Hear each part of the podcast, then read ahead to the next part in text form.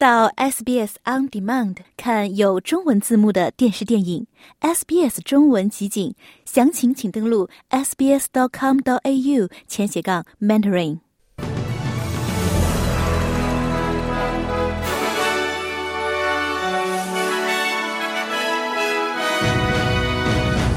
二零二四年澳大利亚年度人物名单公布。阿尔巴尼斯宣布第三阶段减税政策。热带气旋基里利在昆士兰北部登陆。墨尔本一库克船长纪念雕像遭到破坏。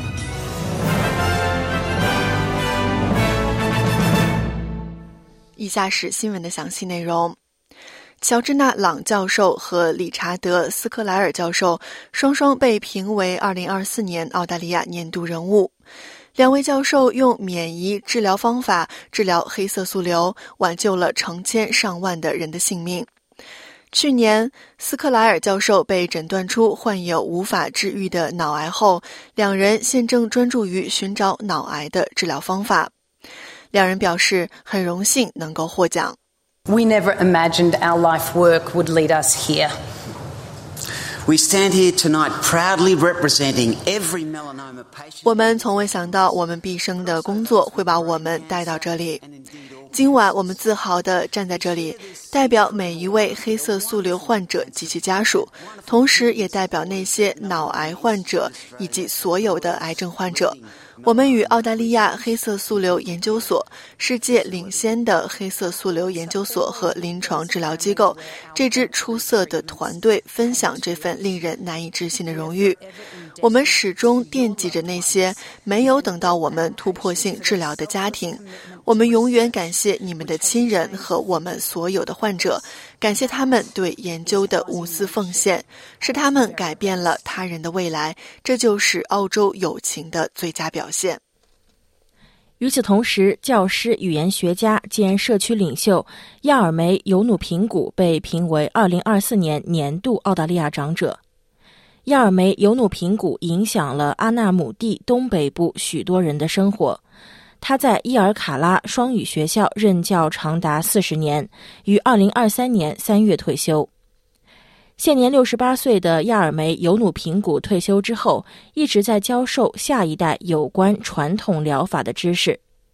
亚尔梅尤努平古表示，帮助社区一直是他工作的首要任务。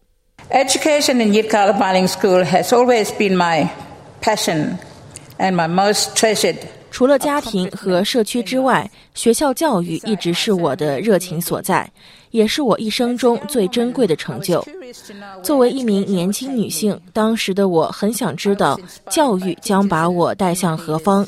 我受到了来自老师和领导的激励，但是这么多年来，我从未想过自己会成为一名语言教师。总理阿尔巴尼斯在全国新闻俱乐部的讲话中，为即将实施的税收减免变更进行辩护，表示这将有助于缓解生活成本危机对受影响最严重的人群的影响。根据阿尔巴尼斯政府宣布的改革，所有纳税人都将缴纳更少的税款，收入低于四万五千澳元的纳税人将从中受益，最低税率从十九分下调至十六分。此前，联盟党政府曾取消十二万元至十八万澳元之间收入的百分之三十七的税率，实施了大大惠及高收入人群的税务制度变更。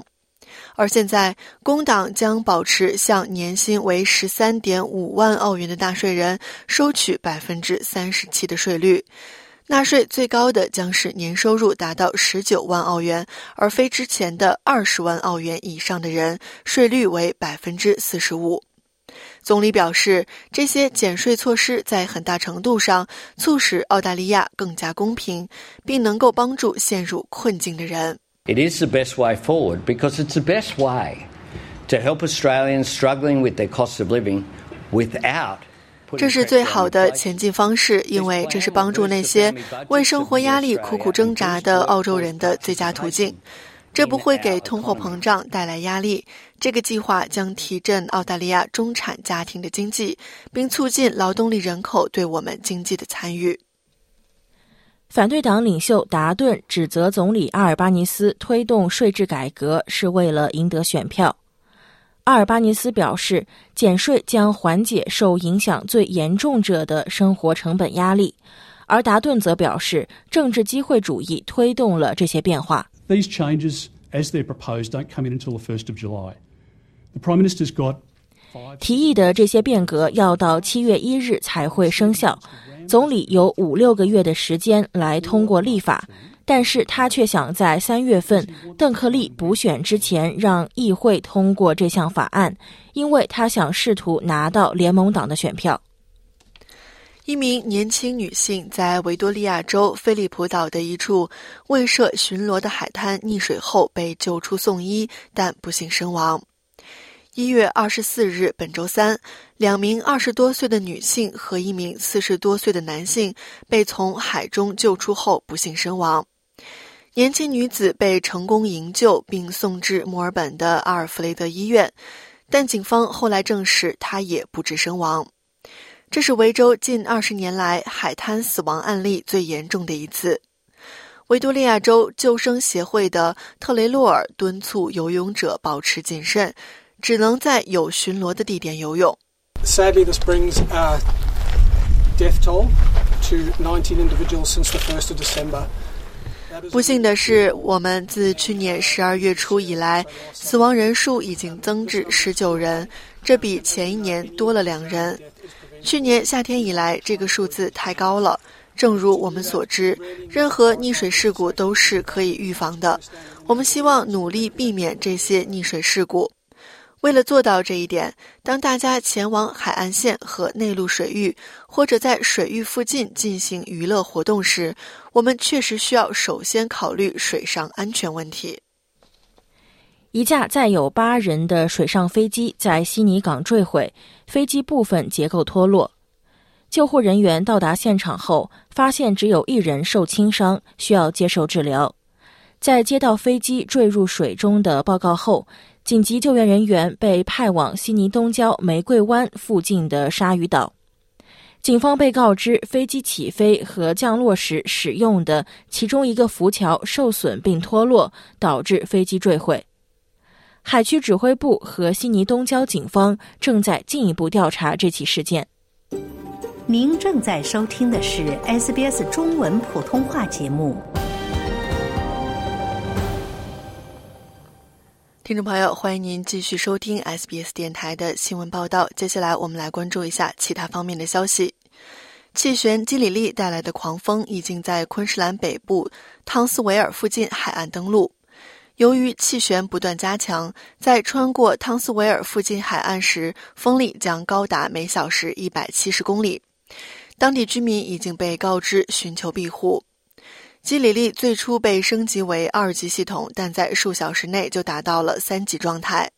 图利和豹纹地区之间出现了可能导致山洪爆发的强降雨，居民已被告知要留在室内。北领地首席部长劳勒表示，洪水导致货运中断，但输送食品的卡车正在持续稳定地为超市补充库存。由于洪水造成的损坏。斯图尔特公路从周五封闭到周日下午，造成超市供应不畅。劳勒表示，现在公路已经重新开放，供应正在稳步补充。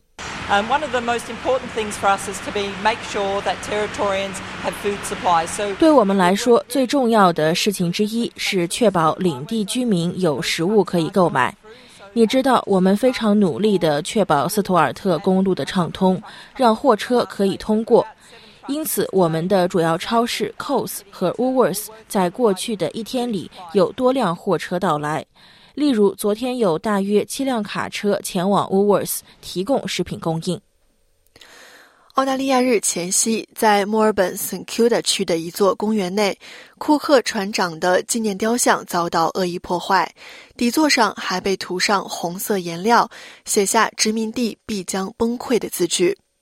警方表示，二十五号凌晨三点左右接到民众报案，有人在雕塑周围徘徊。警员约在凌晨三点半赶到现场时，发现雕像已经倾倒在地。实际上，同样的破坏行为在2018年和2022年澳大利亚日也曾发生。公园所在地的菲利普港市议会原计划从25号起派人进行巡逻。维多利亚州州长艾伦表示，将对遭受破坏的库克船长雕像进行修复。澳大利亚的人口已超过两千七百万，出生和移民到澳大利亚的人口数字超过了死亡和离开澳大利亚的移民人数。统计局将此作为创纪录的时刻，称澳大利亚每五十秒就会增加一个人。澳大利亚的人口去年增长了百分之二点四，约为六十二点四一万人。这一估算是基于二零二三年六月三十日的人口统计数据。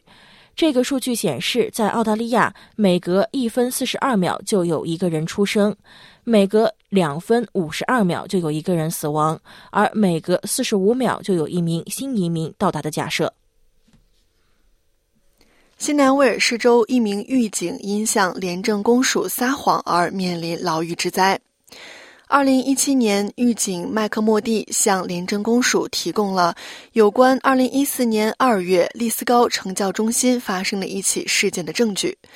当时，另一名狱警沃克袭击了一名囚犯。现年六十四岁的麦克莫蒂承认就此事误导廉政公署监督员。此后，他被指控行为不当，并在掩盖袭击事件的问题上两次撒谎。廉政公署将这起事件描述为系统性腐败和误报的典型案例。澳大利亚矿业巨头必和必拓集团表示，红海海运中断正迫使其部分货运服务供应商选择其他航线。此前，英国石油公司和壳牌石油公司等公司报告称。由于与伊朗结盟的胡塞武装对商船的袭击仍在继续，他们已经暂停通过红海的运输。在以色列与哈马斯战争期间，胡塞武装数月来一直以与以色列有联系的船只为袭击目标，但是最近几周袭击事件有所升级。一名指责俄罗斯总统普京和军队在乌克兰战争中失败的著名俄罗斯民族主义者被莫斯科法院判定犯有煽动极端主义罪。否认指控的吉尔金被判处四年监禁。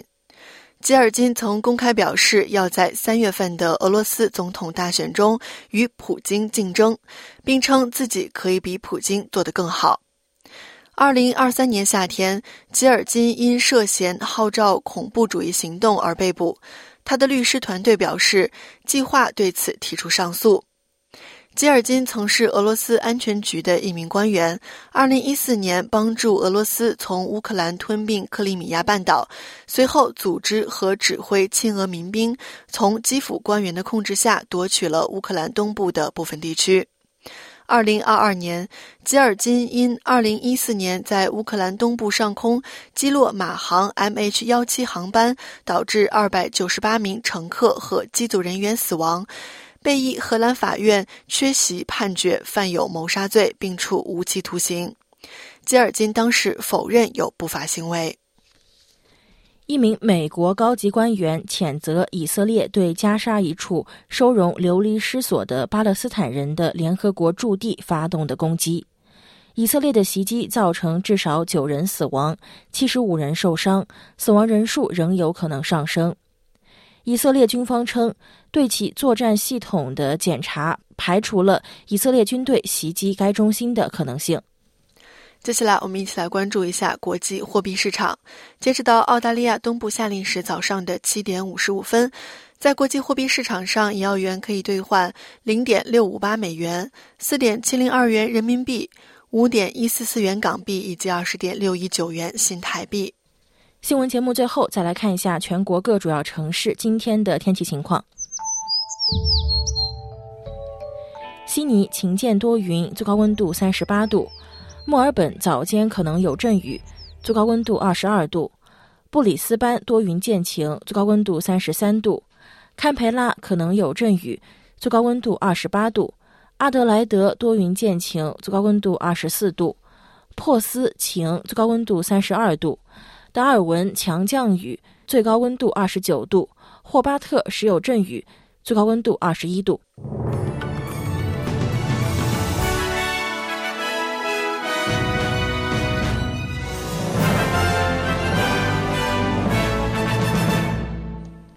了解澳洲，融入澳洲，欢迎登录 sbs 点 com 点 au 前斜杠 language 前斜杠 mandarin，获取更多澳大利亚新闻和资讯。